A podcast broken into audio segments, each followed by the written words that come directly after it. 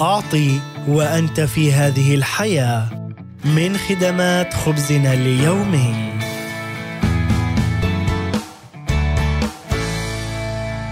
أمضى رجل أعمال ناجح عدة عقود من حياته في بذل كل ما في وسعه لتوزيع ثروته. تبرع مالتي مليونير بالمال من أجل قضايا متنوعة مثل إحلال السلام في إيرلندا الشمالية وتحديث النظام الرعاية الصحية في فيتنام. كما وأنفق قبل وفاته بوقت قليل أكثر من 400 مليون دولار لتحويل جزيرة روزفلت في مدينة نيويورك إلى مركز تكنولوجي. قال هذا الرجل أنا أؤمن بقوة العطاء أثناء الحياة. أرى أسبابا قليلة لتأخير العطاء إلى جانب أنه من الممتع أن تعطي وأنت حي أكثر من العطاء بعد وفاتك.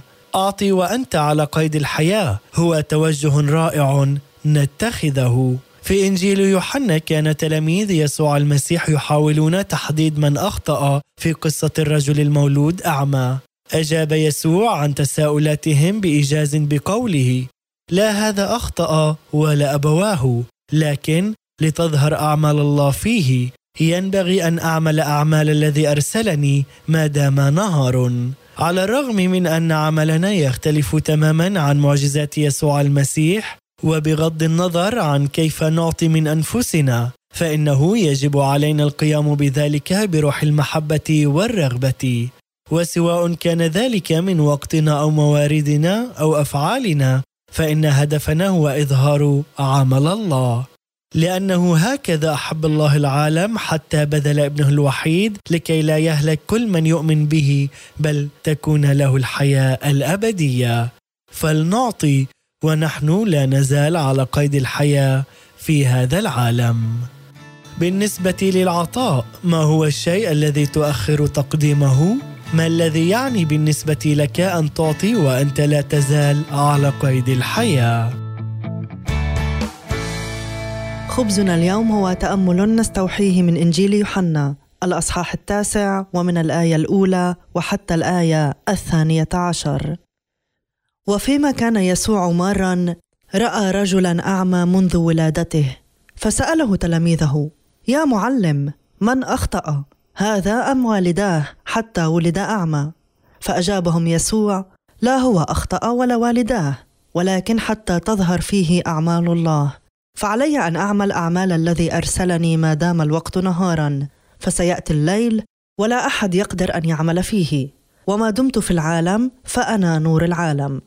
قال هذا وتفل في التراب وجبل من التفل طينا ثم وضعه على عيني الأعمى. وقال له اذهب اغتسل في بركة سلوام. فذهب واغتسل وعاد بصيرا. فتساءل الجيران والذين كانوا يرونه من قبل يستعطي. أليس هذا هو نفسه الذي كان يجلس ليستعطي؟ قال بعضهم هذا هو. وآخرون لا ولكنه يشبهه. وأما هو فرد قائلا بل أنا هو. فقالوا له وكيف انفتحت عيناك؟ أجاب الرجل الذي اسمه يسوع جبل طينا دهن به عيني وقال لي اذهب إلى بركة سلوام واغتسل فيها. فذهبت واغتسلت فأبصرت. فسألوه وأين هو الآن؟ فقال لا أعرف. آمين. كان هذا هو خبزنا لليوم وهو تأمل مقتطف من إنجيل يوحنا الأصحاح التاسع ومن الآية الأولى وحتى الآية الثانية عشر. لنصلي. أصلي يا إلهي الحبيب المعطي أن ترشدني إلى أماكن يمكنني أن أعطي فيها اليوم وفي كل يوم. لأنك أنت تباركني وتبارك أيضا ميراثي. أصلي هذا في اسم يسوع المسيح. تشجيع اليوم مقدم من خدمات خبزنا اليومي. يمكنكم أيضا زيارة موقعنا odb.org